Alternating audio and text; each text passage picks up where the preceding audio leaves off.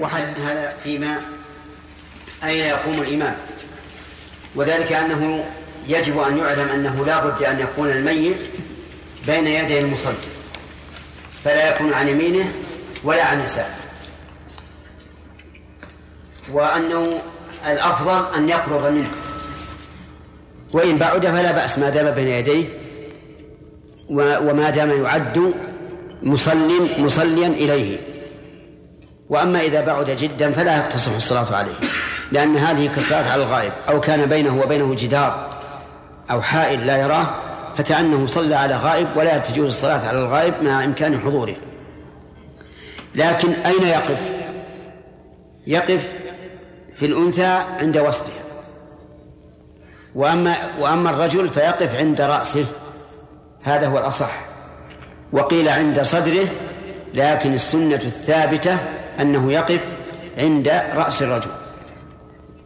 وهل يجب أن يكون رأس الرجل على يمين الإمام أو يجوز أن يكون على يمين الإمام أو يساره؟ نقول هذا وهذا كله جائز. وأما اعتقاد بعض العوام أنه لا بد أن يكون رأس الميت على يمين الإمام فلا أصل له.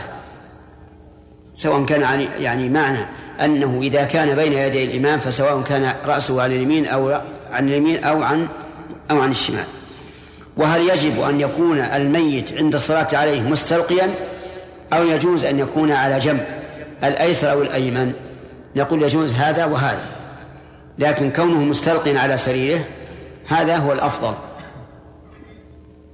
فإن قال قائل إذا قدر أن امرأة حامل والذي في بطنها يحتمل أن يكون ذكرا ويحتمل أن يكون أنثى نقول يقف عند وسطها مطلقا. والحديث هذا ماتت في نفاسها يحتمل آه، نفساء بعد الوضع أو حال الوضع ماتت الله أعلم. لكن الأقرب أنها بعد الوضع.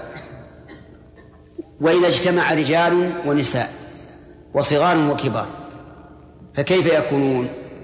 نقول يقدم إلى الإمام أن يكون أقرب إلى الإمام الرجال البالغون. ثم من دون البلوغ ثم النساء البالغات ثم من دون البلوغ كترتيبهم في الصلاة. فإنه في الصلاة يقدم البالغ العاقل ثم من وراءه آه، الأدون فالأدون نعم.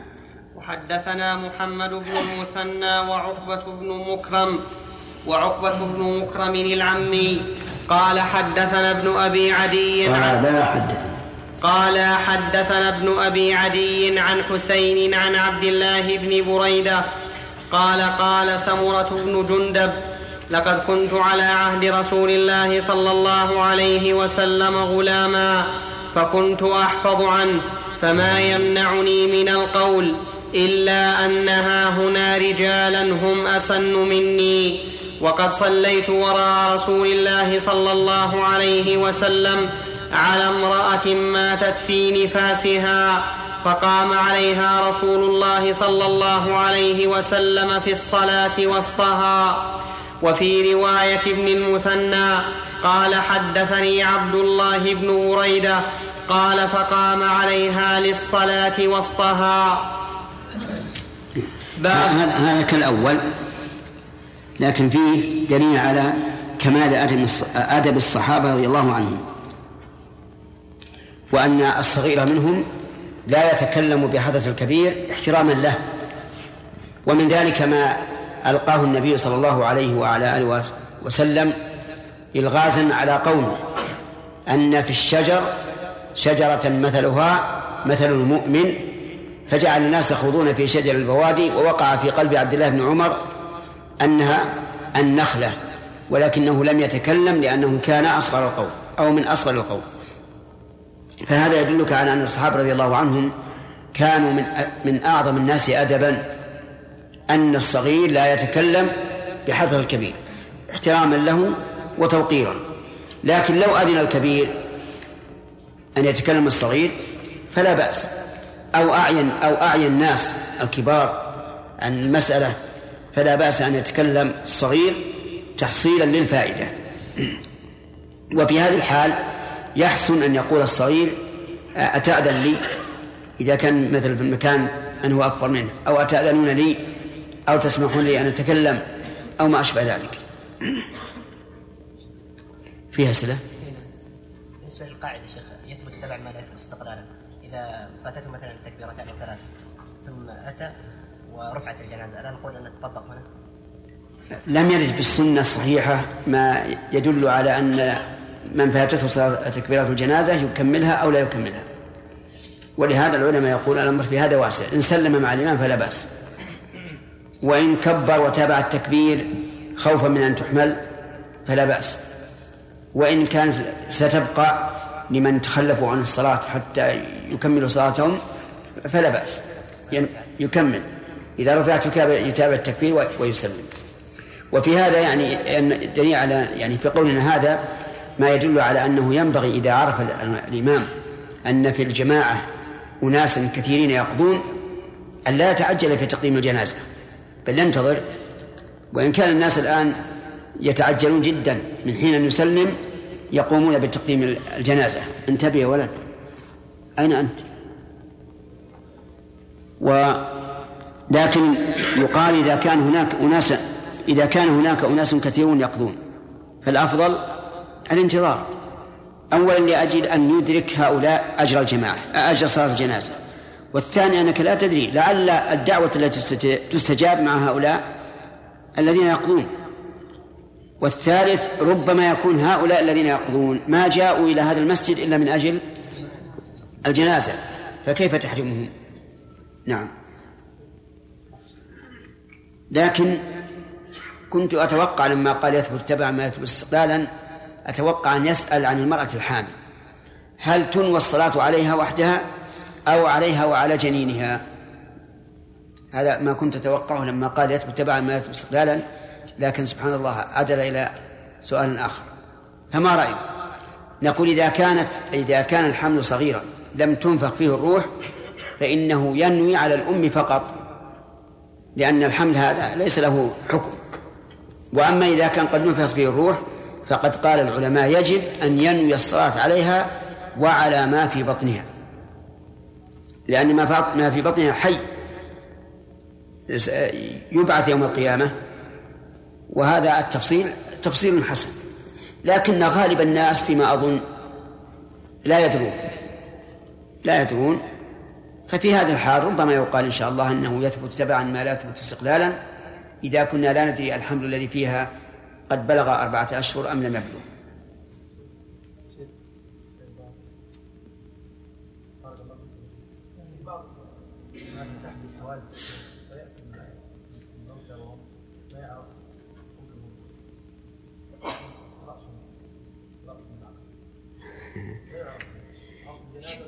ما يعرف الراس من الرجل؟ ما يصير هذا. لا يمكن إلا إذا كان بيدخلون بطحان تطحن. ولو كان يا أخي الرأس معروف. الرأس غير العقب. يعني ما مره ما ما هو باين ما يخالف مو باين لكن هل يمكن يشتبه بالعقب؟ لا العقب يا شيخ عبارة عن وضعوه في يعني زنبيل. إي نعم يوضع هكذا يا شيخ؟ يوضع هكذا ويصلى عليه هذا. مو سهل. حتى لما قلنا قبل قليل إنه يقف عند رأس الرجل وعند وسط المرأة مو على سبيل الوجوب. يعني لو وقف عند آخر اخمص المرأة أو الرجل فلا بأس.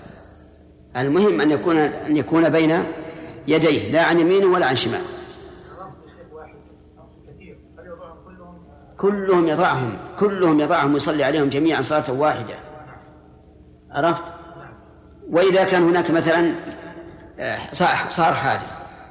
وفيهم مسلمون وكفار. ولم يتميز المسلم من الكافر. تقدم كل الجنائز.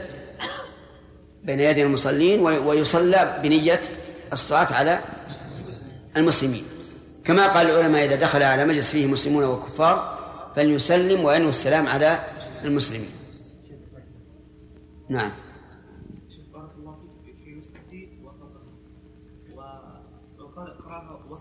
وسطها الصواب وسطها. يختلف فيه. الوسط من كل شيء خيار كما قال تعالى وكذلك جعلناكم أمة وسطا. والوسط بمعنى البين بين الشيئين. ثلاثة. هذا سؤال. نعم. باب ركوب المصلي على الجنازة إذا انصرف.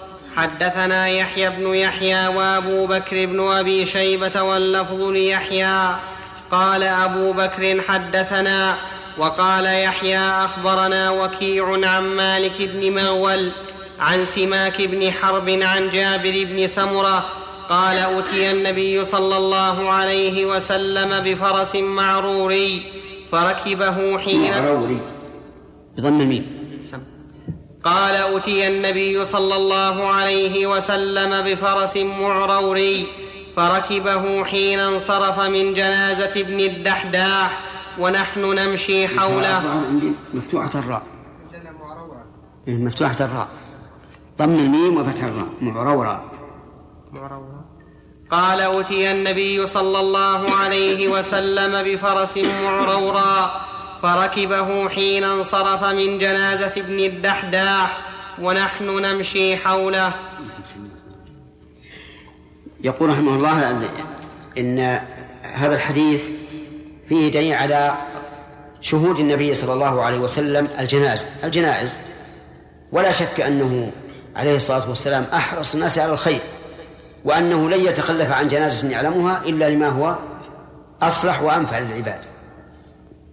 وفيه دليل على جواز ركوب المتبع للجنازة في حال الرجوع وهو نص صريح.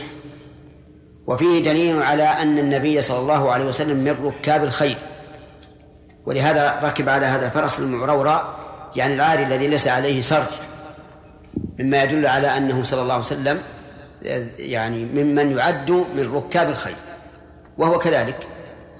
وانظر إلى ركوبه لفرس لأبي طلحة رضي الله عنه حينما سمع صياحا في المدينة فخرج عليه الصلاة والسلام راكبا لهذه الفرس وتتبع الخبر ولم يجد شيئا. فخرج الناس إلى الصوت فإذا النبي صلى الله عليه وسلم يلقاهم يقول لن تراعوا لن تراعوا. على فرس عرف مما يدل على أنه كان من ركاب الخير صلوات الله وسلامه عليه. وفي حديث أبي طلحة الذي ذكرته دليل على شجاعته. فإن قال قائل وهل يركب إذا إذا شيعها قبل الدفن؟ نقول أما للحاجة فلا بأس.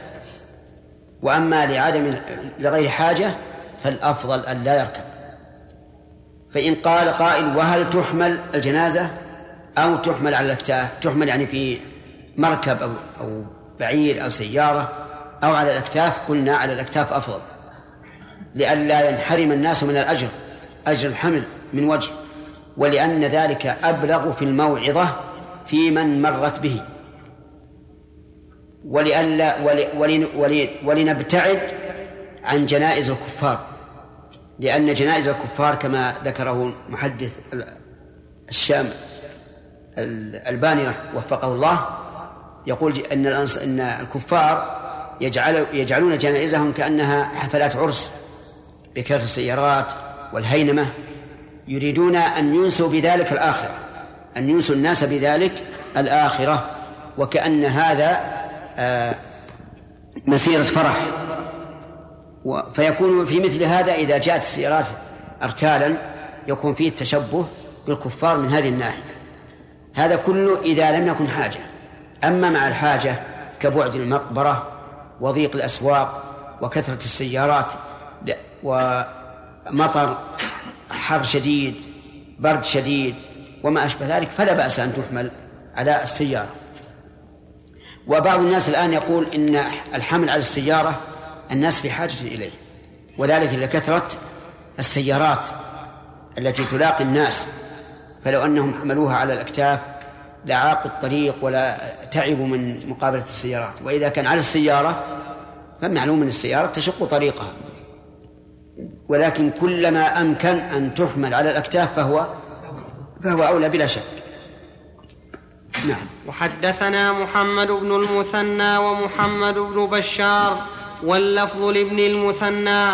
قال حدثنا محمد بن جعفر قال حدثنا شعبة عن سماك بن حرب عن جابر بن سمرة قال صلى رسول الله صلى الله عليه وسلم على ابن الدحداح ثم أتي بفرس عري ثم أتي بفرس عري فعقله رجل فركبه فجعل يتوقص به ونحن نتبعه نسعى خلفه.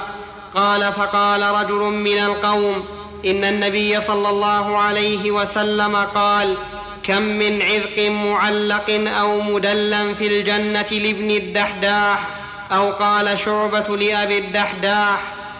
الله أكبر. رضي الله عنه. هذا من من رجل من الأنصار.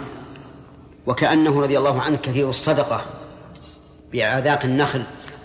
لأنه يقول كم من عتق معلق أو مدلل في الجنة لأبي لابن الدحداح رضي الله عنه. أو لأبي الدحداح وقوله هنا آه، بفرس عري سبق معناه أنه أنه غير مسرع وقوله فعقله رجل المراد بالعقل هنا الحبس والمنع. وليس العقل المعروف وهو سد اليد. وقوله يتوقص به يعني ينزو به مع مقاربة الخطى وكأن هذا الفرس فرس قوي جيد على كل حال فيه دليل على جواز إيش؟ جواز ركوب متبع الجنازة لكن بعد بعد الرجوع شوف النووي في هذا في اللفظ الآخر لأن ظاهر اللفظ الآخر أنه ركب قبل الدفن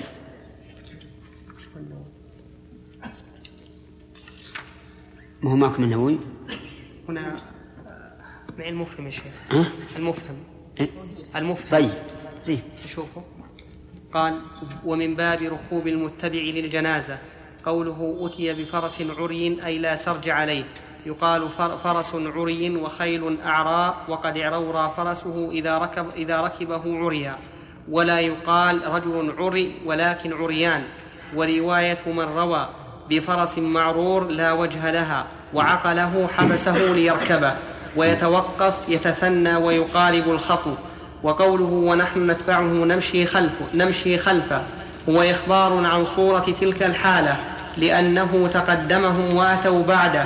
لا أن ذلك كانت لا أن ذلك كانت عادتهم في مشيهم معه بل المنقول من سيرتهم أنه كان أنه كان يقدمهم ولا يتقدمهم. وينهى عن وطئ العقب ولا خلاف في جواز الركوب عند الانصراف من الجنازة وإنما الخلاف في الركوب لمتبعها فكرهه كثير من العلماء سواء كان معها أو سابقها أو خلفها والصحيح جواز الركوب إلا أن يتأخر عنها لما خرجه الترمذي وصححه عن المغيرة بن شعبة قال قال رسول الله صلى الله عليه وسلم الراكب خلف الجنازة والماشي حيث شاء منها والطفل يصلى عليه. وهذا أصح من الأحاديث التي ذكر فيها منع الركوب مع الجنازة. وقوله كم من عتق. بس ما ذكر لفظ الحديث يعني اللفظ الثاني إن الرسول صلى على ابن الدحداح ثم أتي. فظاهره أنه في ذهابه إلى المقبرة. عبيد الله. النووي.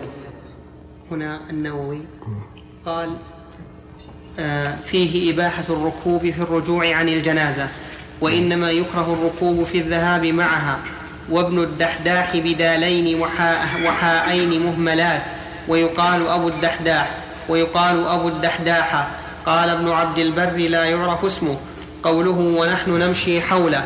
فيه جواز مشي الجماعة مع كبيرهم الراكب وأنه لا كراهة فيه في حقه ولا في حقهم إذا لم يقم فيه مفسدة وإنما كره ذلك إذا حصل فيه انتهاك للتابعين أو خيف إعجاب ونحوه في حق التابع أو نحو ذلك من المفاسد. قوله فعقله رجل فركب. ما ذكر والمفهم ما ذكر قبل الانكار الشيء لا. هنا يتكلم على جنازة اليهودي. على كل حال نحن الآن يعني حسب ما ما نعلم أن الركوب قبل الدفن أنه لا ينبغي إلا إذا كان هناك إذا كان هناك حاجة. أما بعد الرجوع فلا بأس لفعل النبي صلى الله عليه وعلى آله وسلم. طيب لكن الركبان في حديث حديث الترمذي الركبان خلفه. هذا في عهد النبي عليه الصلاة والسلام الأمر واضح لأن الركبان على إبل أو على بغال أو على خيل أو على حمير. لكن في عهدنا الآن كون الركبان خلف المشيعين فيه إزعاج لهم لأن السيارات خلفهم تحن وتطن وتنبه وتزمر فتشغل الناس. فكونها تكون أمامهم أريح للناس من أن تكون خلفهم. ولهذا نجدهم أي الذين يمشون مع السيارات نجدهم يكونون في الغالب إذا تيسر لهم يكونون أمام الجنازة. نعم.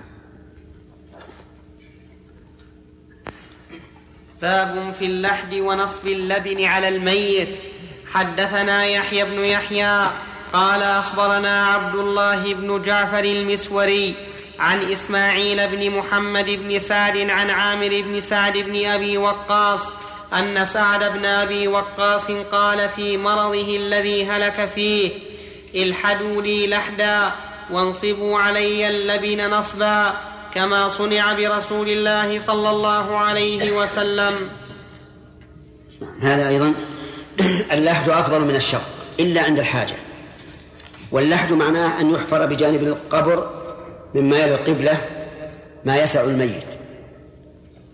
وأما الشق فيكون في وسط القبر وهو أفضل يعني اللحد من من الشق إلا للحاجة. والحاجة مثل أن تكون الأرض رملية فإن الأرض الرملية يحفر في أسفل القبر حفرة تسع الميت ويوضع على جوانبها اللبن ثم يوضع الميت بين اللبن من أجل أن لا ينهال عليه الرمل. وكذلك لو كانت الأرض مائية كالتي حول حول البحار فإنها ربما تنقع ماء. فيضطرون إلى أن يجعلون شقا ويجعلون فيه شيئا من من الجبس أو ما أشبه ذلك يمنع تسرب الماء إلى الميت. المهم إن اللحد أفضل إلا إذا دعت الحاجة. أما اللبن فإنه ينصب. يعني لا يوضع هكذا على ظهره أي على ظهر اللبن لأنه لا يتأتى في اللحد إذ أن الجانب الذي يلي القبلة في اللحد قائم ولا يمكن أن أن يوضع عليه اللبن على على ظهره أي على ظهر اللبنة بل لابد أن ينصب ولأن اللبن إذا نصب صار أقوى لتحمله مما لو كان مبسوطا. فلهذا كانت السنة أن اللبن ينصب نصبا كما فعل برسول الله صلى الله عليه وعلى آله وسلم. والاستدلال بقولك كما صنع استدلال بمن أمرنا باتباع سنتهم وهم الخلفاء الراشدون لأن أبا بكر وعمر وهؤلاء الذين تولوا تجهيز النبي عليه الصلاة والسلام وكذلك علي بن أبي طالب والعباس كلهم ممن يقتدى بسنتهم يعني لو قال قائل كيف نستدل بشيء وقع بعد موت الرسول عليه الصلاة والسلام نقول نعم نستدل بذلك لأنه من فعل الخلفاء الراشدين.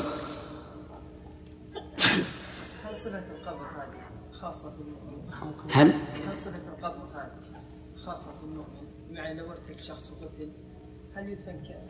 اي نعم نعم حتى لو لو قتل شهيدا أو قتل ظلما فإنه يفعل به كما يفعل بغيره. إيش؟ المرتد لا لا المرتد ما ما له حرمة اطلاقا. المرتد يخرج به خارج البلد يحفر له حفرة بدون لحد وبدون لبن ويرمس بها رمسا والعياذ بالله كما ترمس الشاة إذا ماتت لأنه ليس له حرمة نعم أن الجليل إذا نفخت فيه الروح أنه يجب أن يصلي عليه وعلى أمه يعني ينوى مو معنى أن يصلى على الأم مرة واحدة. واحد نعم.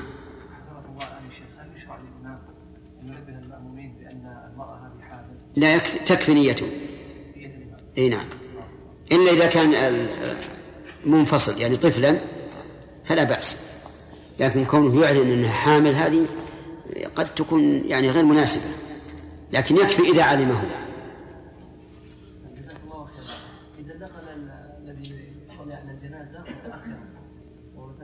التكبيره الثانية والثالثه مع الامام فكيف تكون صلاته؟ هل يقرأ في تكبيره من الفاتحة للترتيب يعني هل هل يتابع الإمام؟ أو أنه يبدأ من جديد؟ ما تقولون في هذه المسألة؟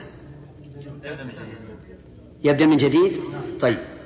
يبدأ من جديد؟ لا بأس لها وجه لأجل الترتيب ولأجل المحافظة على قراءة الفاتحة لأنه لا صلاة لمن لم يقرأ بها. لكن يرد على هذا أن الرسول عليه الصلاة والسلام قال إذا سمعتم الإقامة فامشوا إلى الصلاة ولا تسرعوا فما أدركتم فصلوا وما فاتكم فأتموا. فظاهر هذا أني أكون تبعا للإمام. وقد ينفصل أو ينفصل عن عن هذا بأن يقال هذا فيما كان فيما إذا كانت أفعال المأموم تخالف أفعال الإمام كما في الصلاة ذات الركوع والسجود. أما في صلاة الجنازة فلا مخالفة حتى لو بدأ المأموم المسبوق من أول الصلاة لم تكن مخالفة. فأنا متردد في هذا من جهة أن نقول لا بد من قراءة الفاتحة. نقول حينئذ يبدأ بقراءة الفاتحة. من جهة أن, أن أهم ما يراد بالصلاة على الميت هو الدعاء للميت. ولو أنه بدأ بقراءة الفاتحة وكانت هذه آخر تكبيرة للإم- للإمام فات الدعوة للميت. فأنا متردد في هذا. لكن لو أمكن الإنسان أن يقول أنا أجمع بين القراءة وبين الدعاء للميت أقرأ الفاتحة وأصلي على النبي صلى الله عليه وسلم وأدعو للميت ولو في التكبيرات الأخيرة يعني التي قبل التي تعتبر الثالثة. لو قال قائل بهذا لم يكن بعيدا. لأن كون نعين لكل تكبيرة دعاء معينا هذا ليس بشرط. هذا أحسن الله إليكم. آه، ذكر آه، سبب ذكر العذق في الجنة لأبي الدحداح. نعم. ماذا قال؟ وإنما قال النبي صلى الله عليه وسلم ذلك القول لقصة جرت وهي أن يتيما خاصم أبا لبابة في نخلة فبكى الغلام فقال له النبي صلى الله عليه وسلم أعطه إياها ولك بها عتق في الجنة. قال لا فسمع ذلك ابن الدحداح فاشتراها من أبي لبابة بحديقة له ثم قال للنبي صلى الله عليه وسلم ألي بها إن أعطيت اليتيم إياها عذق في الجنة؟ قال نعم فلما قبل ذلك قال له النبي صلى الله عليه وسلم هذا الكلام. إيه ما شاء الله. إيه صار لها عوض الجزاء من جنس العمل. أنه اشترى الأعذاق وأعطاها اليتيم فالجزاء من جنس العمل. اللهم ارضى عنه. باب جعل القطيفة في القبر. حدثنا يحيى بن يحيى قال أخبرنا وكيع. حاء وحدثنا أبو بكر بن أبي شيبة قال حدثنا غندر ووكيع جميعا عن شعبة. حاء وحدثنا محمد بن المثنى واللفظ له. ودي أحد يخرج هذا السبب. نعم. هذا طه التزم. ومعه آخر إن تعاون فلا بأس. معه إيهاب. نعم. حاء وحدثنا محمد بن المثنى واللفظ له. قال حدثنا يحيى بن سعيد. قال حدثنا شعبة. قال حدثنا أبو جمرة عن ابن عباس. قال جعل في قبر رسول الله صلى الله عليه وسلم قطيفة حمراء. قال مسلم أبو جمرة اسمه نصر بن عمران وأبو التياح اسمه يزيد بن حميد. ماتا بسرخس. بس بسرخس. ماتا بسرخس. نعم بسرخس. شب- سبب هذه وضع القطيفة.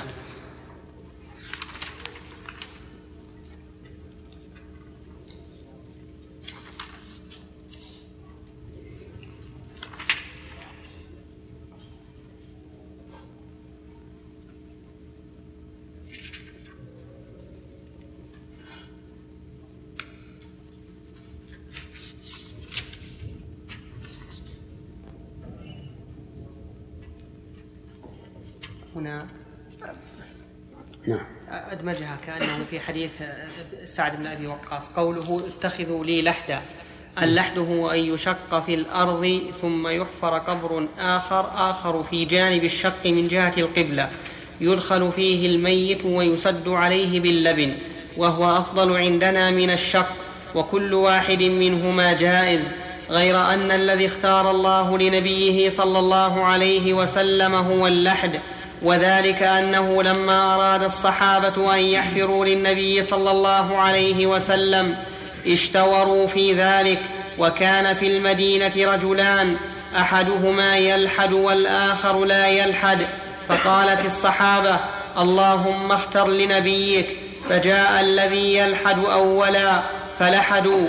اشتوارهم في ذلك وتوقفهم يدل على أنه لم يكن عندهم في أفضلية أحدهما من النبي صلى الله عليه وسلم تعيين. تعيين. ولذلك رجعوا إلى الدعاء في تعيين الأفضل ولم يقع في كتاب مسلم ذكر غسله صلى الله عليه وسلم. غسل ذكر ذكر غسله صلى الله عليه وسلم ولا الصلاة عليه. وقد ذكر في غيره فأما غسله صلى الله عليه وسلم فغسل في قميصه وذلك أنهم أرادوا أن ينزعوا قميصه ليغسلوه فسمعوا قائلا يقول لا تنزعوا القميص كما ذكره مالك في الموطأ قال عندي حاشية رواه مالك بلاغا. وأما الصلاة عليه فصلى الناس عليه أفواجا الرجال والنساء والصبيان من غير إمام صلى صلوا فوجا بعد فوج على ما ذكر أهل السير واختلف في سبب ذلك على أقوال فقيل لأنهم لم يكن لهم إمام وهذا خطأ لأن إمامة الفريضة لم تتعطل ولأن البيعة لأبي بكر تمت قبل دفنه وهو إمام الناس. وقيل بل صلي عليه كذلك ليأخذ كل من الناس بنصيبه من الأجر والفضل.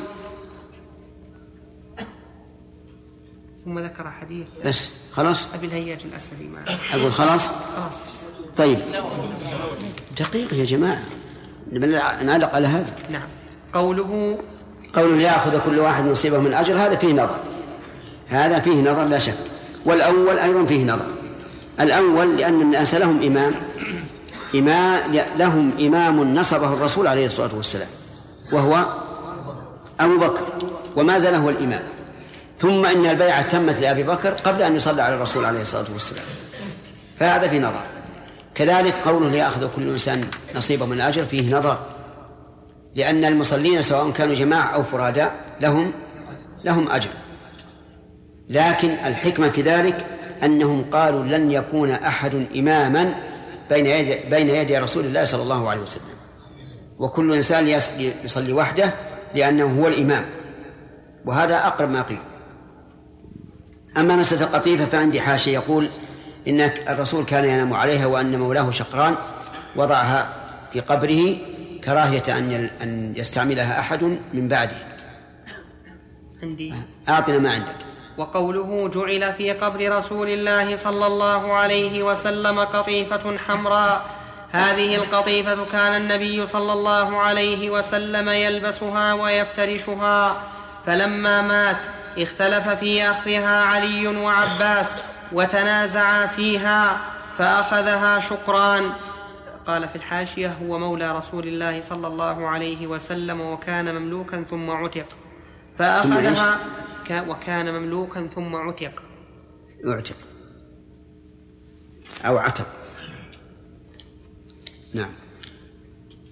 فأخذها شكران وجعلها في القبر وقال والله لا يلبسها أحد بعده أبدا. وقيل إنما جعلت في قبره لأن المدينة سبخة والله تعالى أعلم. وهذا إذا صح تنازع العباس وعلي فكأن شقران رضي الله عنه أراد أن يفعل ذلك لئلا يقع نزاع بينهما. فإذا صح هذا فهو السبب. وأما كونه يريد أن لا يلبس أحد الرسول أو لا يستعملها فقد يقال إن فيه نظرا لأنه ليس له حق فيما الرسول عليه الصلاة والسلام. والرسول لا يورث وإذا قدر أنه يورث فمن الذي يرثه؟ لا يرثه مولاه يرثه أولى الناس به بعد زوجاته وبناته. نعم. زائد عن هذا يعني ماذا قال؟ ومن هو؟ إيه ماذا قال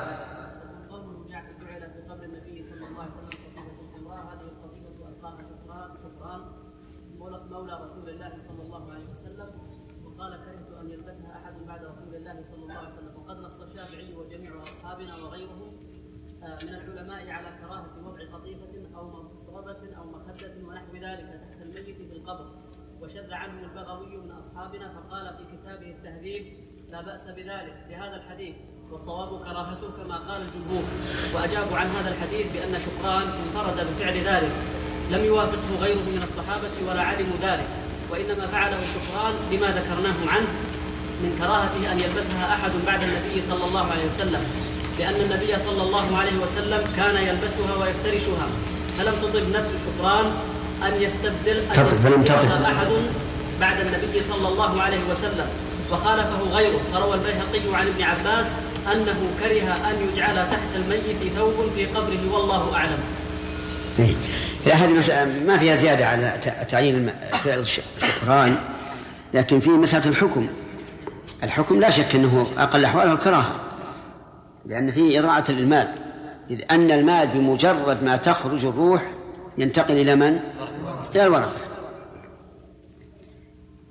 على كل حال إذا صحت قضية العباس وعلي فهي الفيصل أنهما تنازعا فيها وإذا لم تصح فيقال هذه قضية عين وبيننا وبين وقوعها كم سنة؟ نعم أربعة أشهر ما ندري وش ما ندري ما ندري ما السبب لا أما الحكم فالذي يهمنا أن هذا ليس بمشروع لأنه ما كان ما كان المسلمون يفعلون ذلك. وأقل أحوال الكراهة وقد يكون محرما إذا خصوصا إذا كانت من مال الميت وقد خلف قصارا. نعم. سؤال؟ طيب.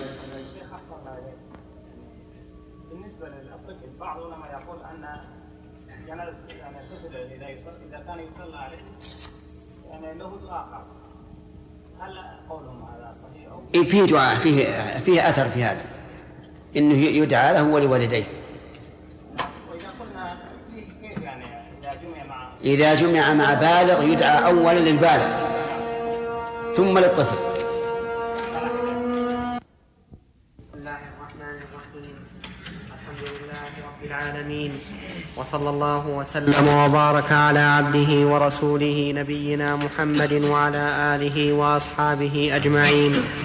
أما بعد فقد قال الإمام مسلم رحمه الله تعالى في صحيحه في كتاب الجنائز باب الأمر بتسوية القبر.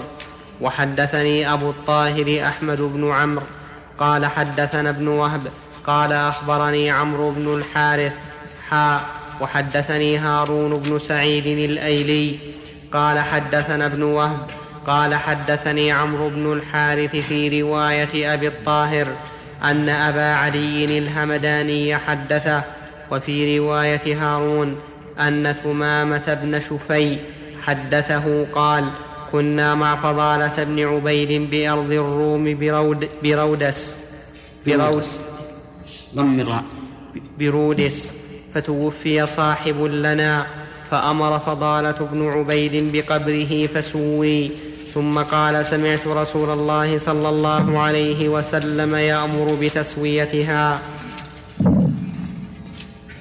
وحدثنا يحيى بن يحيى وأبو بكر بن أبي شيبة وزهير بن حرب.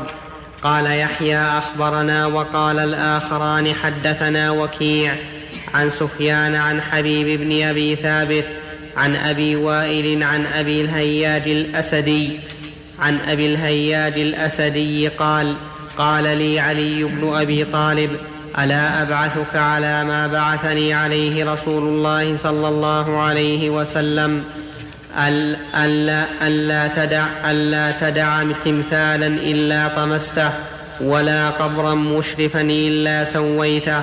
وحدثنيه أبو بكر بن خلاد الباهلي قال حدثنا يحيى وهو القطان قال حدثنا سفيان قال حدثني حبيب بهذا الإسناد وقال ولا صورة إلا طمستها.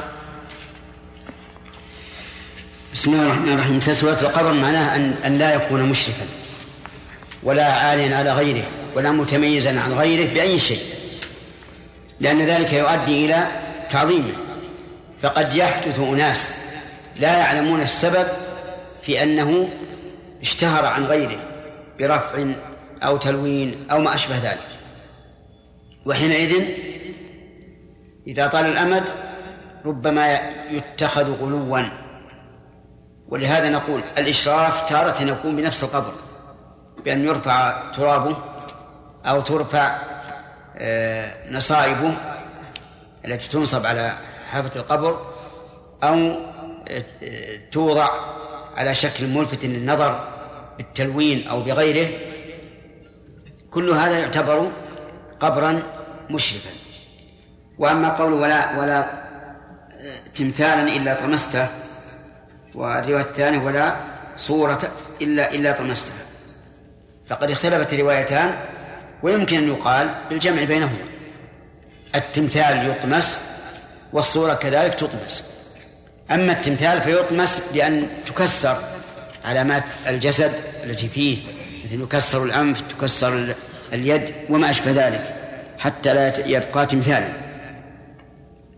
وأما الصورة الملونة فظاهر يعني فطمسها ظاهر وذلك بأن يوضع عليها لون آخر يطمسها حتى تخفى وإذا قارنت بين هذا وهذا عرفت أن المراد بذلك ما يخشى أن يكون فتنة حيث أنه قارن هذه المسألة بالقبر المشرك. أما ما لا يخشى أن يكون فتنة فهذا يكون تحريمه من جهة أخرى وهي أن الملائكة لا تدخل بيتا فيه صورة. لكن ما دعت الحاجة إليه في وقتنا الحاضر من صورة إثبات الشخصية وما أشبه ذلك فإننا نرجو أن لا يكون فيه حرج. لأن الله تعالى قال وما جعل عليكم في الدين من حرج.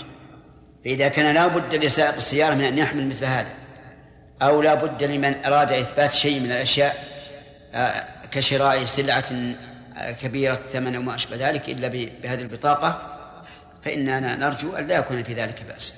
على أن بعض البطاقات أو كثيرا من البطاقات لا تكون فيها الصورة كاملة.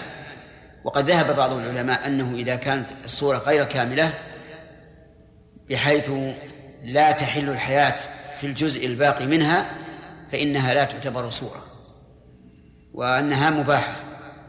واستدلوا لذلك بقوله صلى الله عليه وسلم كلف أن ينفخ فيها الروح وليس بنافخ. وجزء البدن لا تحمله الروح. وبعض العلماء يقول لا إذا كان الجزء هو الأسفل فنعم. مثل أن يصور ما تحت السرة إلى القدم فلا بأس لأن هذا يكون كالشجرة. وأما إذا كان أعلى البدن فهذا لا يجوز لأنه يكون كالرجل الجالس. والحديث مر برأس التمثال فليقطع حتى يصير كهيئة الشجرة.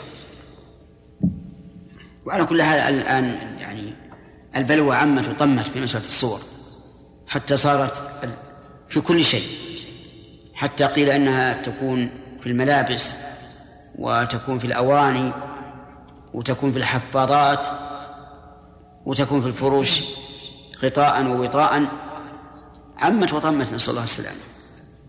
لكن جمهور العلماء على أن ما كان يتخذ على سبيل الإهانة فلا بأس. مثل الفرش المخاد وما أشبهها ومن ذلك أيضا فيما يبدو حفاظات الأطفال التي تكون يغطى بها القبل أو الدبر. إذا خرج شيء قدر فإنه يكون فيها. فإن هذا إهانة. وقد يقال أنها ليست إهانة ظاهرة وأنها إلى اللباس أقرب لأن الفرش إهانتها ظاهرة. لكن الأقرب أن هذه إهانة بلا شك. نعم شيخ بارك الله فيكم بعض المجلات الحديثة الآن التي للمسلمين يعني لأهل الالتزام بالذات.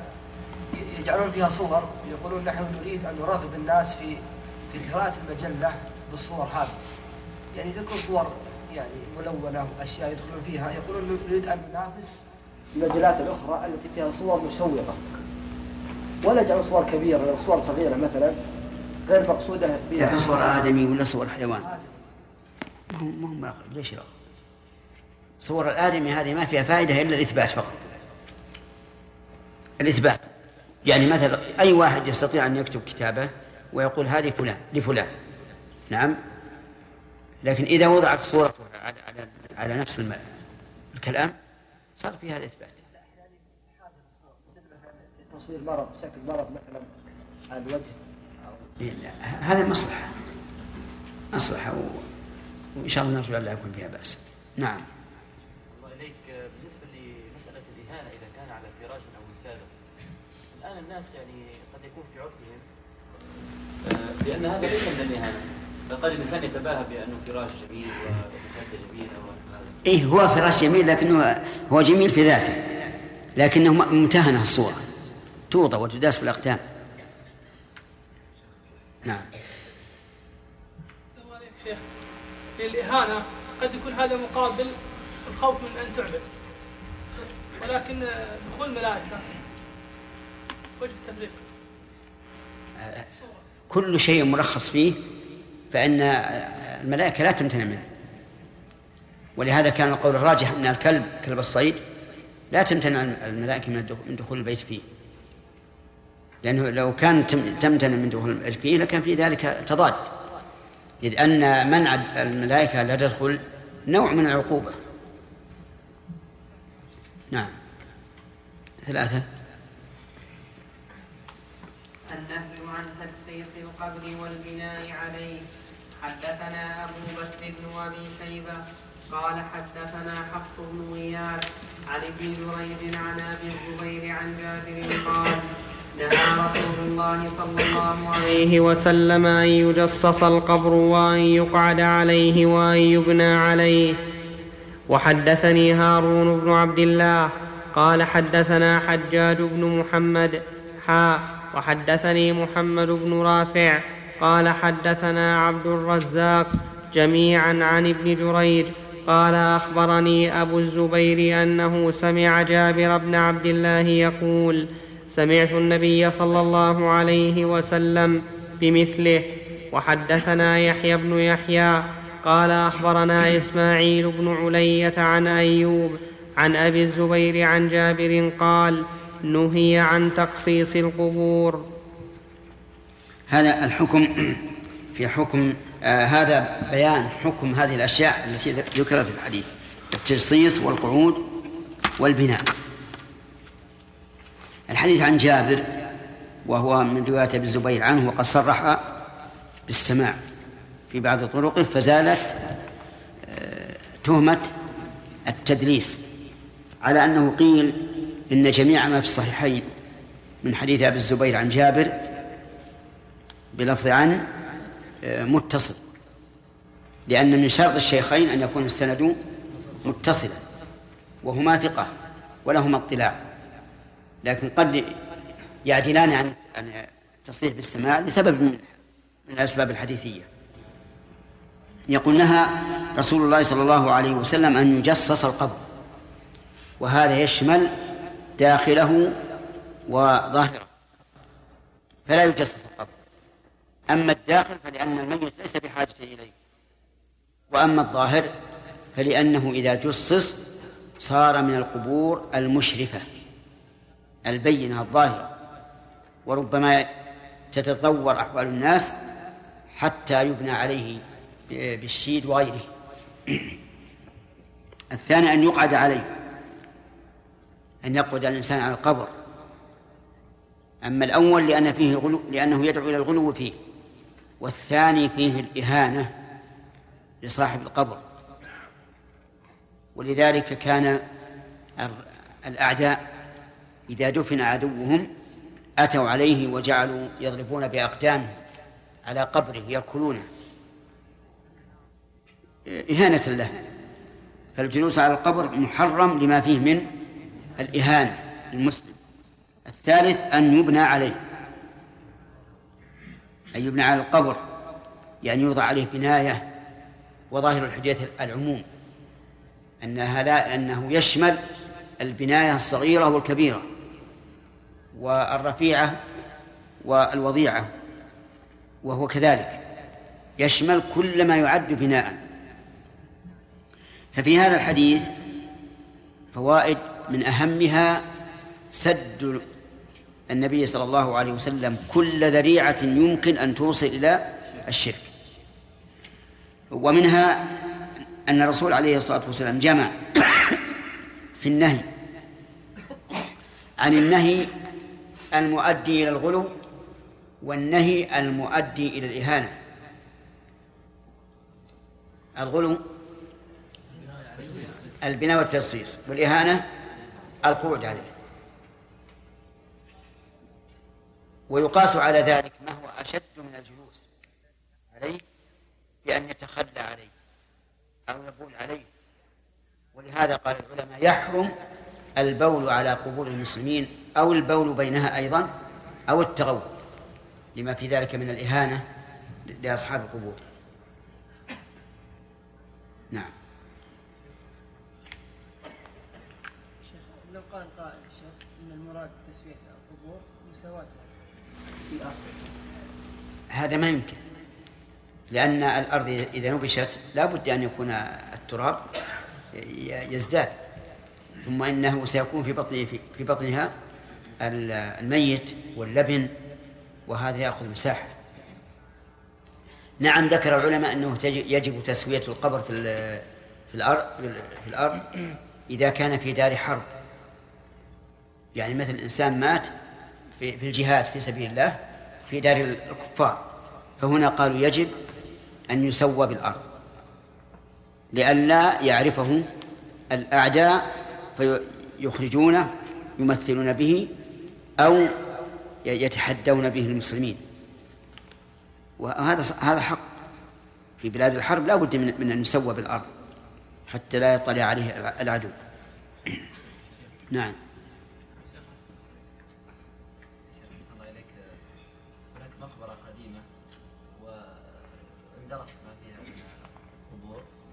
ومر عليها زمن طويل فبني عليها بني عليها يعني بنايات ومساكن. مساكن. مساكن.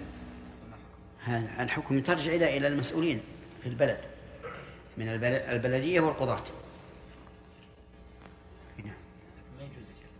ما أقول يجوز أو ما يجوز هذا يرجع للمسؤولين.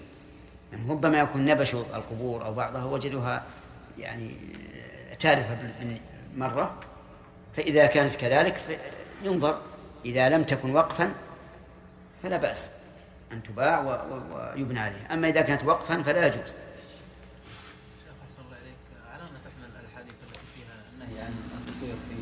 النمارق والمساجد عن إيش؟ التصوير في النمارق نعم. حديث عائشة التي لما رأى النبي صلى الله عليه وسلم عليها صورة آه، غضب ولم يدخل حتى وقال يعني وأشار إلى النمر التي فيها الصورة. نعم. وفي حديث آخر بأنها كانت سترا فهتك حتى صار منه سادتين وقال وفي نعم. حديث آخر قال النبي صلى الله عليه وسلم فيه إلا رقم في ثوب. نعم. وكان معلقا. ظاهر نعم. حديث الصحابة أنه كان معلقا. نعم. فكيف التوفيق بين هذه الرواية؟ ما في أشكال.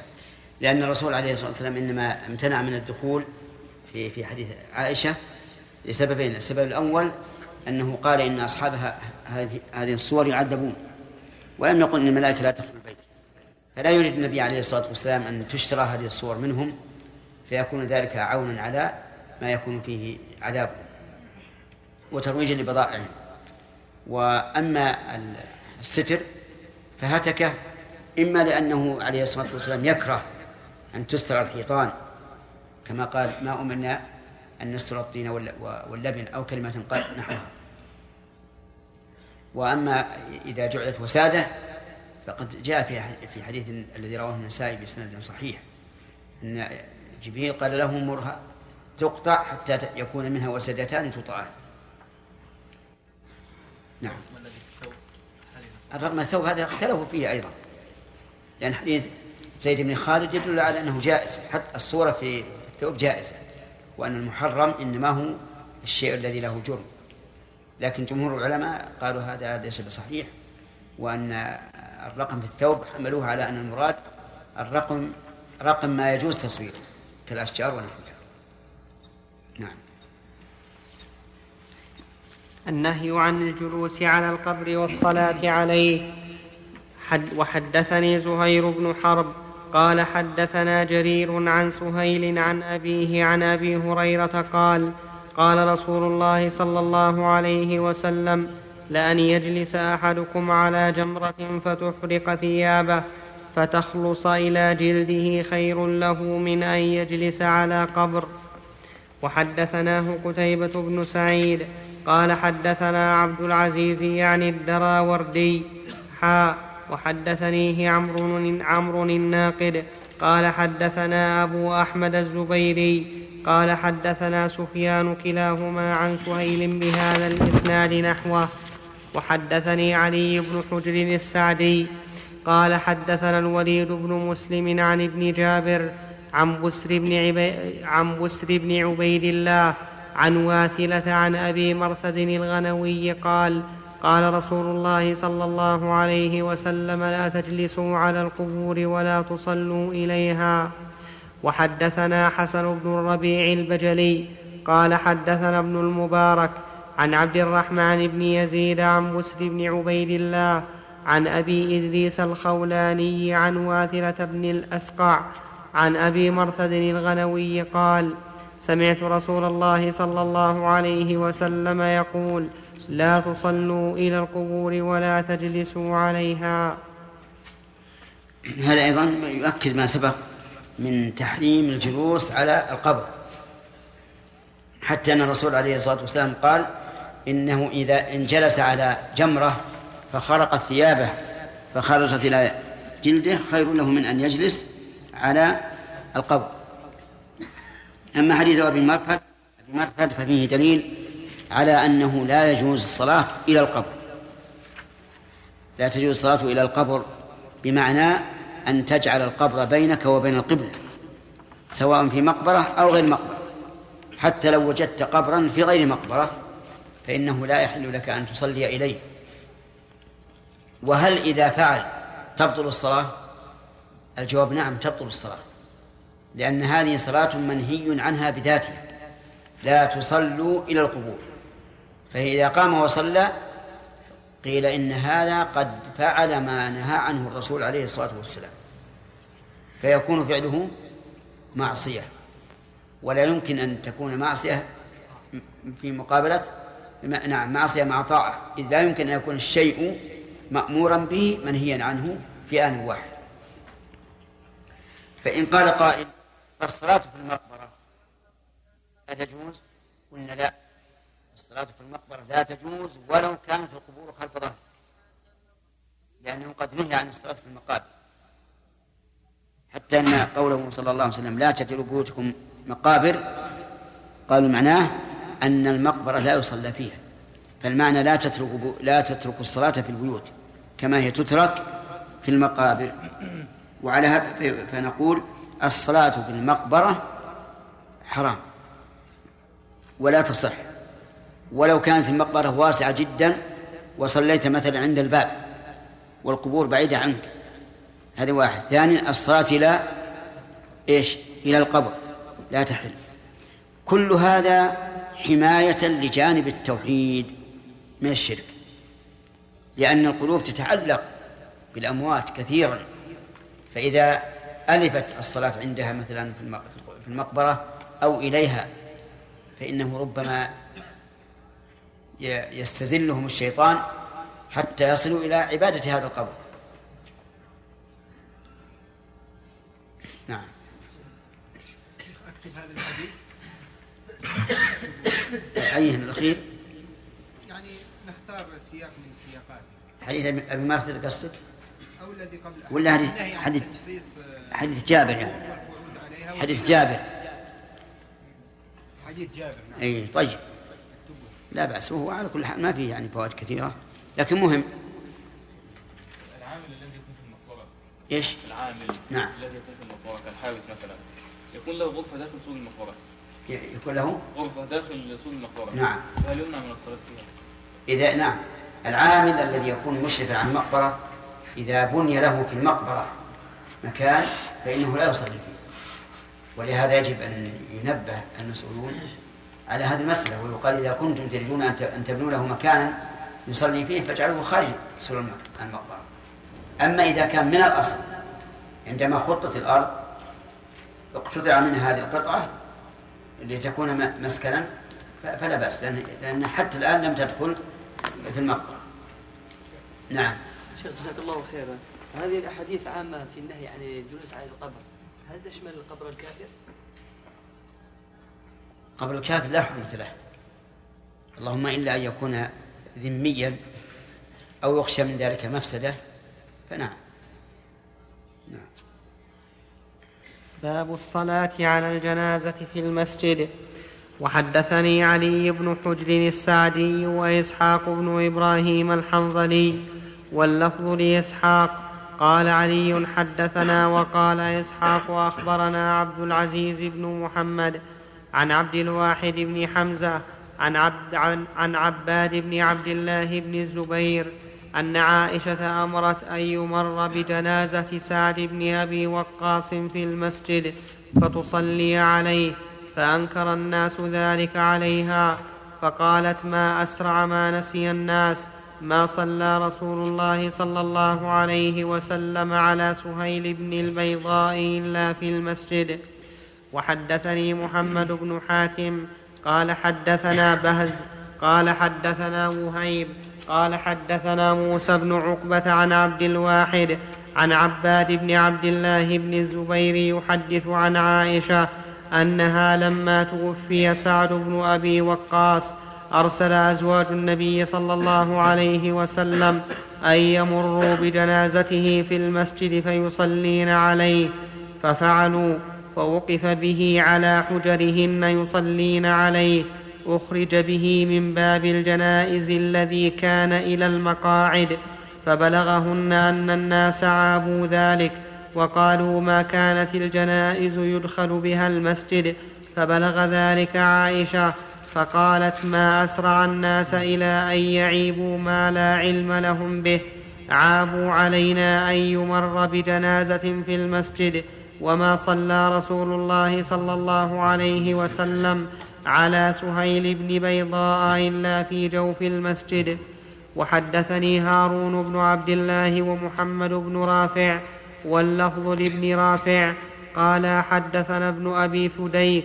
قال أخبرنا الضحاك يعني ابن عثمان عن أبي النضر عن أبي سلمة بن عبد الرحمن أن عائشة لما توفي سعد بن أبي وقاص قالت ادخلوا به المسجد حتى أصلي عليه فأنكر ذلك عليها فقالت والله لقد صلى رسول الله صلى الله عليه وسلم على ابني بيضاء في المسجد سهيل وأخيه. قال مسلم سهيل بن دعد وهو ابن البيضاء أمه بيضاء. هذا هذه الأحاديث فيها فيها فوائد منها جواز صلاة النساء على الجنائز. وهذا أمر لا إشكال فيه سواء كن مع الرجال أو منفردات عن الرجال. وفيه دليل على جواز الصلاة على الميت في المسجد. وهذا يدل على أن الأكثر في عهد الرسول عليه الصلاة والسلام أن يصلى على الجنائز في غير المسجد وهو كذلك. هناك مكان يسمى مصلى الجنائز. قال العلماء مصلى الجنائز ليس بمسجد فلا يثبت له أحكام المسجد من تحريم لبس الجنوب فيه ومن استحباب الصلاة قبل الجلوس فيه ومن تحريم البيع والشراء وغير ذلك.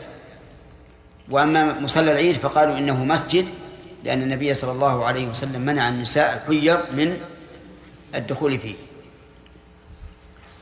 و وهذا الحديث يدل على جواز الصلاة في المسجد وإنكار بعض الصحابة لأنه لم يبلغهم أن الرسول صلى الله عليه وسلم فعل ذلك وكانوا يتحاشون هذا لئلا يخرج من الميت شيء يتلوث به المسجد أو لئلا يكون في الميت رائحة كريهة تتأذى منها الملائكة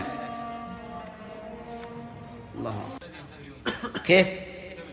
نعم للعالمين وصلى الله وسلم وبارك على أشرف الأنبياء والمرسلين نبينا محمد وعلى آله وأصحابه أجمعين. أما بعد فقد قال الإمام مسلم رحمه الله تعالى في صحيحه في كتاب الجنائز باب ما يقال عند دخول القبور والدعاء لأهلها. حدثنا يحيى بن يحيى التميمي ويحيى بن أي الترجمة على كل حال ليست للمسلم وقول عند دخول القبور الأولى المقابر. يعني دخول الإنسان مو بيدخل القبر يدخل المقابر التي هي أمكنة القبور أو يقال يا مسعود ولا تتعجل أو يقال المق... عند دخول القبر القبور يعني عند دخول مساكن أو أهل القبور أو ما أشبه ذلك. المهم أن الأولى أن يقال المقابر. نعم. حدثنا يحيى بن يحيى التميمي ويحيى بن أيوب وقتيبة بن سعيد.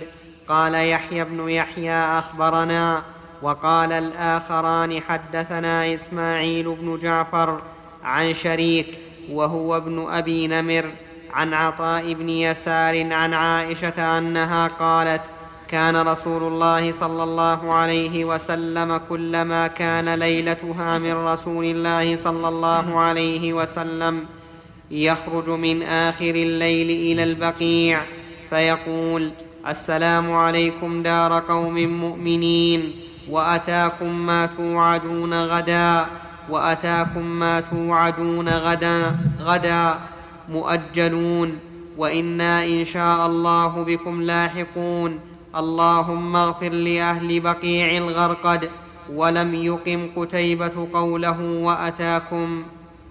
الظاهر أنه قال دار قوم لي وأتاكم ما توعدون غدا مؤجلون.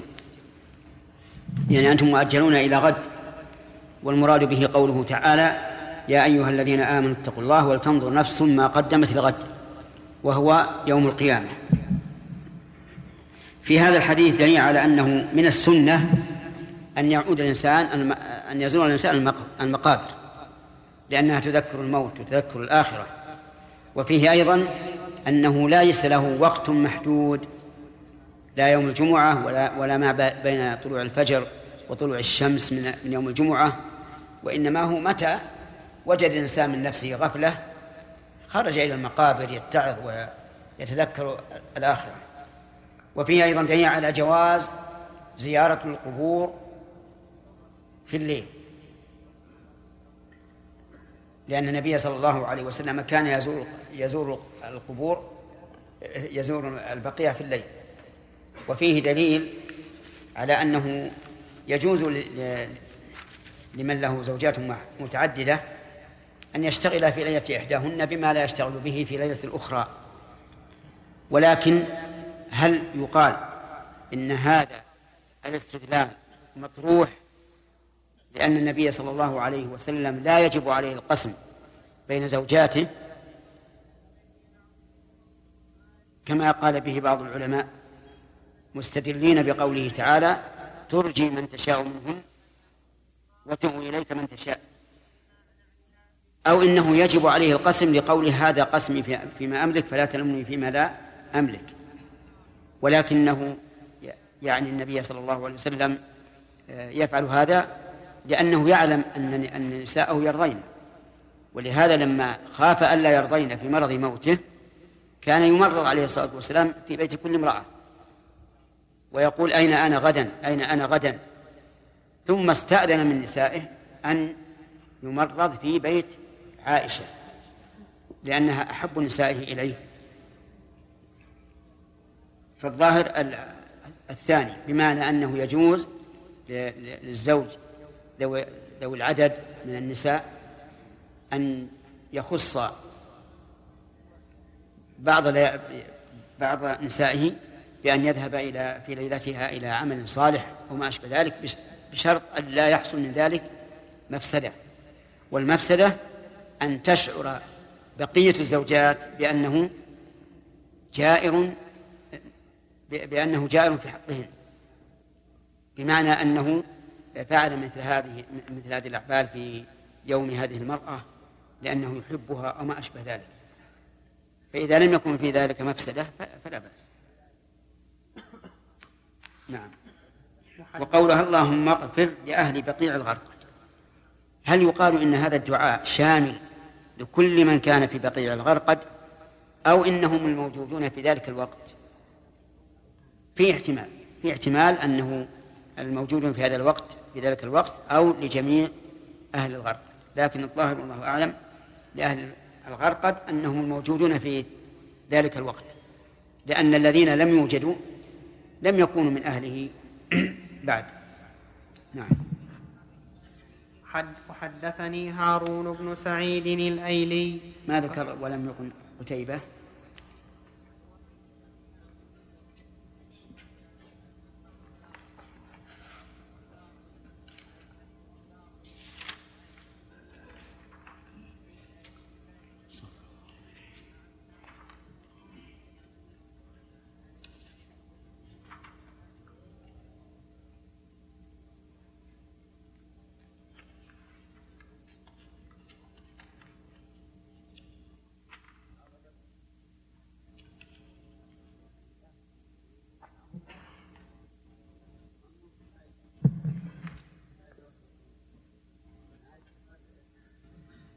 شيء؟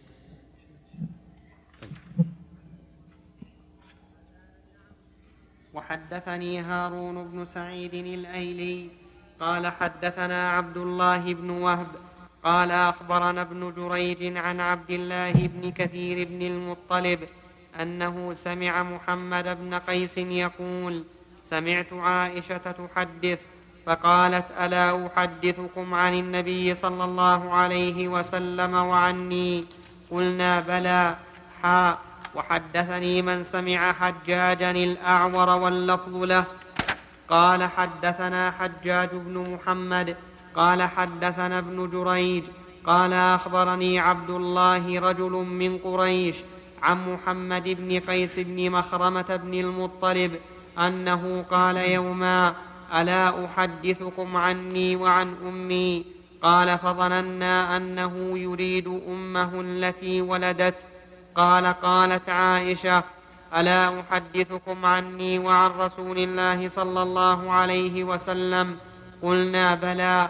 قال قالت لما كانت ليلة التي كان النبي صلى الله عليه وسلم فيها عندي انقلب فوضع رداءه وخلع نعليه وخلع نعليه فوضعهما عند رجليه وبسط طرف إزاره على فراشه فاضطجع فلم يلبث إلا ريثما ظن أن قد رقت فأخذ رداءه رويدا وانتعل رويدا وفتح الباب فخرج ثم أجافه رويدا فجعلت درعي في رأسي واختمرت وتقنعت إزاري ثم انطلقت على إثره حتى جاء البقيع فقام فأطال القيام ثم رفع يديه ثلاث مرات ثم انحرف فانحرفت فأسرع فأسرعت فهرول فهرولت فأحضر فأحضرت فسبقته فدخلت فليس إلا أن اضطجعت فدخل فقال ما لك يا عائش حشيا رابية؟ قالت قلت لا شيء. قال لتخبرني أو ليخبرني اللطيف الخبير. قالت قلت يا رسول الله بأبي أنت وأمي فأخبرته. قال فأنت السواد الذي رأيت أمامي. قلت نعم فلهدني في صدري لهدة أوجعتني. ثم قال أظننت أن يحيف الله عليك ورسوله.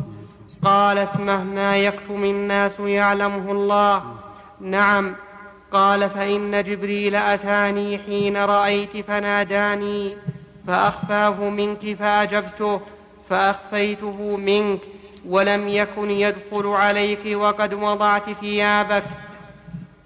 وظننت أن قد رقدت فكرهت أن أوقظك وخشيت أن تستوحشي. فقال إن ربك يأمرك أن تأتي أهل البقيع فتستغفر لهم. قالت قلت كيف أقول لهم؟ كيف أقول لهم يا رسول الله؟ قال قولي السلام على أهل الديار من المؤمنين والمسلمين ويرحم الله المستقدمين منا والمستأخرين. وإنا إن شاء الله بكم لا إن وإنا إن شاء الله بكم للاحقون. هذا الحديث طويل وفيه فوائد وهو مما يكتب. نعم. ففيه فوائد منها تشويق المخاطب إلى ما يحدث به. لقول عائشة رضي الله عنها ألا أحدثكم عن النبي صلى الله عليه وسلم وعني؟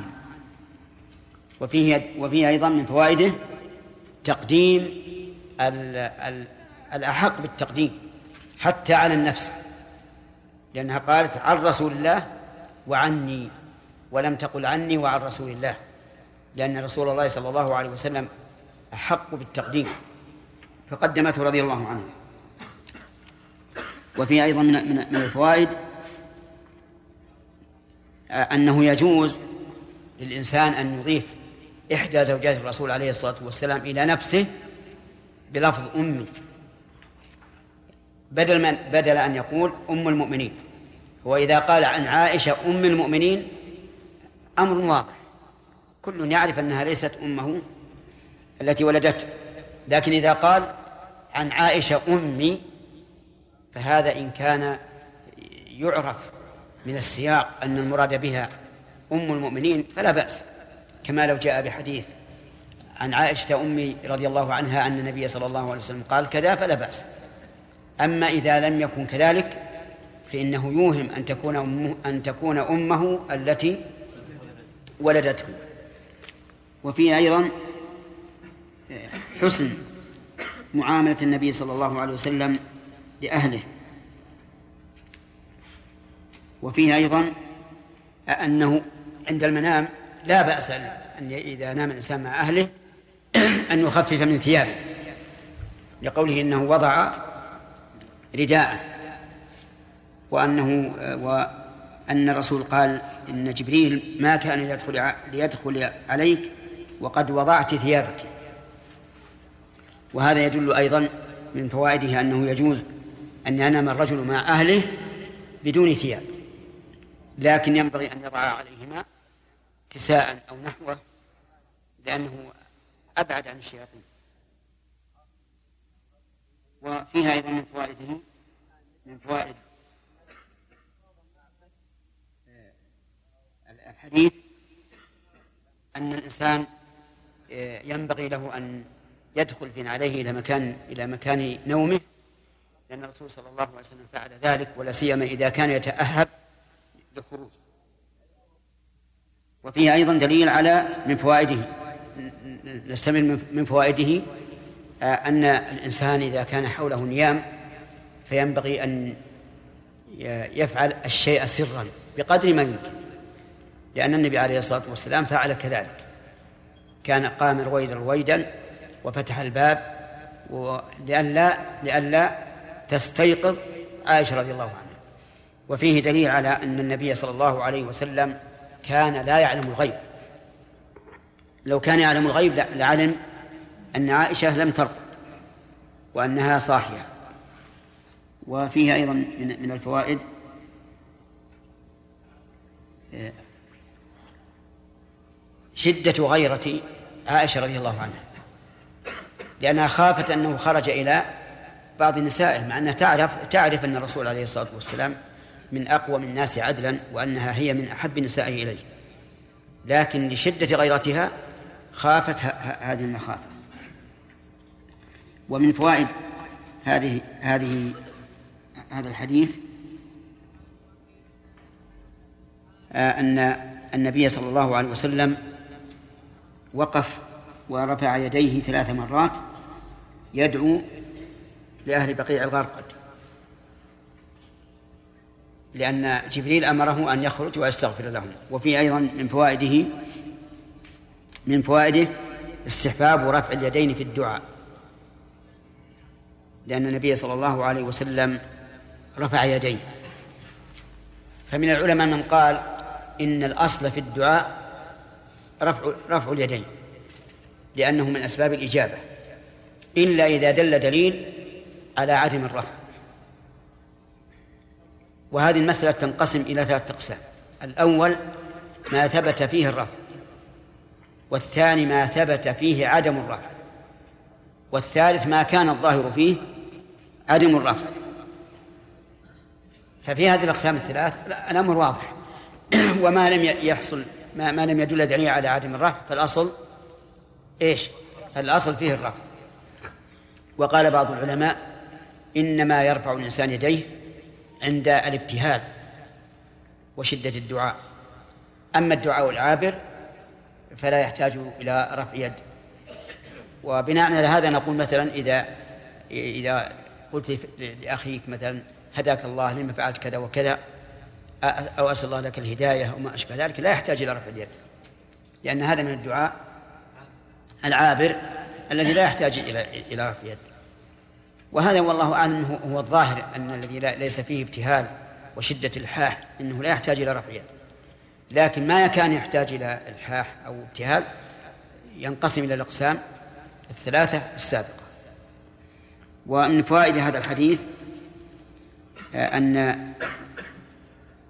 النبي صلى الله عليه وسلم لما سأل عائشة وأرادت أن تخفي الأمر قال لها إما أن تخبريني أو يخبرني العليم الخبير.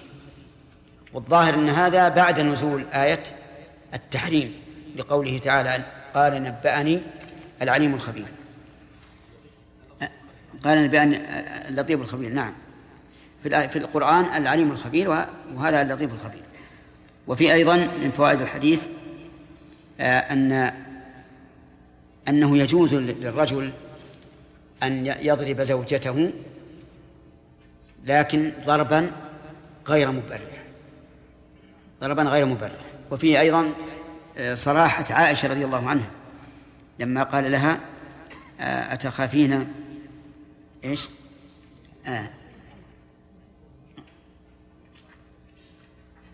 قال أظننت أن يحيف الله عليك ورسوله؟ قالت مهما يكن مهما يكتم الناس يعلمه الله. نعم. هذا دليل على صراحته رضي الله عنها والأمر خطير لكنها هي رضي الله عنها خافت الحيف ليس الحيف الذي هو ضد العدل وأنه الجور لكن خافت أن الإنسان زوج وربما تسول نفسه أن يطلب الزوجة الأخرى بدون قصد الظلم. ومن فوائد هذا الحديث أن جبريل عليه السلام يتكلم بكلام مسموع لكنه قد يكون خفيا وقد يكون آه، فوق ذلك لأنه كلم النبي صلى الله عليه وسلم بإيش؟ بخفية ومن فوائد هذا هذا الحديث امتثال النبي صلى الله عليه وسلم لأمر الله حيث خرج في الليل من أجل آه، أن يفعل ما أمر الله به من الاستغفار لأهل البقيع. وفيه من فوائده أن رحمة الله تعالى بأهل البقيع حيث أمر نبيه صلى الله عليه وسلم أن يخرج إليهم ويستغفر لهم. وفيه أيضا آه، استحباب دعاء المرأة بهذا الدعاء. لأن لأن الرسول قال لها مرشدا قولي إلى آخره. ولكن هل يستحب أن تخرج للزيارة؟ الصواب لا يستحب بل إنه من الكبائر. كما مر علينا في كتاب اقتضاء الصراط المستقيم. ولكن إذا مرت بلا قصد فلا بأس أن تقف وتسلم وتدعو بهذا الدعاء. وفيه أيضا دليل على أن القبور هي لقوله على أهل الديار من المؤمنين والمسلمين. وفيه أيضا دليل على الفرق بين الإيمان والإسلام. لأنه عطف المسلمين على المؤمنين والعطف يقتضي المغايرة. وفيه أيضا أن الإيمان أفضل من الإسلام. حيث, قدم المؤمنين على المسلمين. وليعلم أن الإسلام والإيمان شيء واحد إذا انفردا يعني إذا انفرد كل واحد عن الآخر. وأنهما شيء شيئان إذا اقترن أحدهما بالآخر. فمثال اقتران أحدهما بالآخر حديث عمر بن الخطاب رضي الله عنه في مجيء جبريل إلى النبي صلى الله عليه وسلم وسؤاله عن الإسلام والإيمان. ومثال انفراد أحدهما بالآخر إن الذين آمنوا وعملوا الصالحات وأمثلة كثيرة في القرآن والسنة. وقوله فهل أنتم مسلمون؟ هذا ذكر الإسلام دون الإيمان لكنه يدخل فيه يدخل فيه الإيمان بلا شك. فإن قال قائل ماذا تقولون في قول الله تعالى فأخرجنا من كان فيها من المؤمنين فما وجدنا فيها غير بيت من المسلمين. قلنا نقول إن هذا مما يدل على أن هناك فرقا بين الإيمان والإسلام. لأن المؤمنين نجوا من العذاب. وأما المسلم مع هؤلاء المؤمنين فلم ينجوا وهي امرأة لوط. امرأة لوط كانت في بيته لكنها مستسلمة وظاهرها أنها مسلمة ولكنها كانت كافرة. ولهذا أصابها العذاب الذي أصابها العذاب الذي أصاب قومها وفي أيضا من فوائد هذا الحديث آه، أن الرسول عليه الصلاة والسلام دعا للمتقدمين منهم والمستأخرين.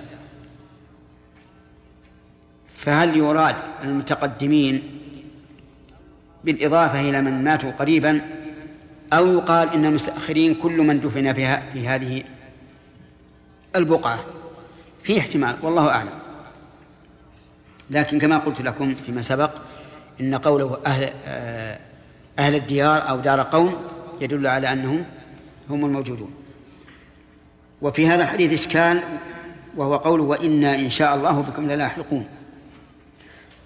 حيث أكد اللحوق بإن واللام مع أن الأمر مؤكد.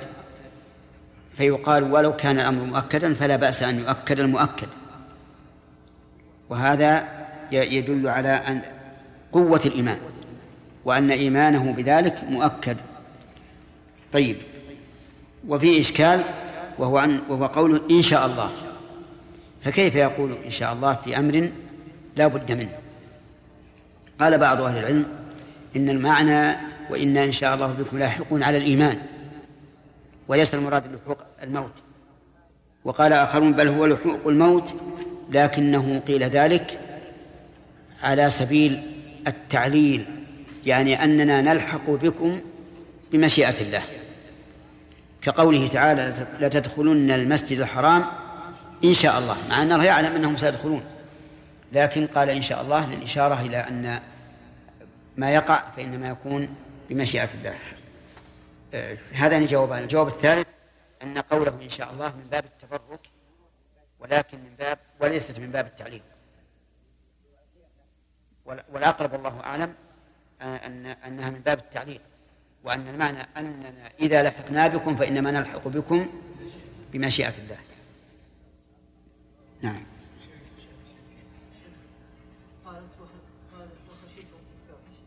نعم. قال نعم.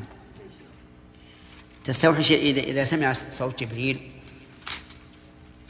أو إذا رأت الرسول خرج وتعرف أن عائشة كانت صغيرة لما توفي الرسول عليه الصلاة والسلام كان لها 18 سنة. نعم. يمكن هذا أو, أو هذا وهذا. كلهم في احتمال. نعم قوله ولم يكن يدخل عليك وقد وضعت ثيابك نعم. كيف حال المرأة إذا هذا إما أن يقال إن هذا أن هذا مستثنى وأن الكاتبين لا لا يفارقون الإنسان.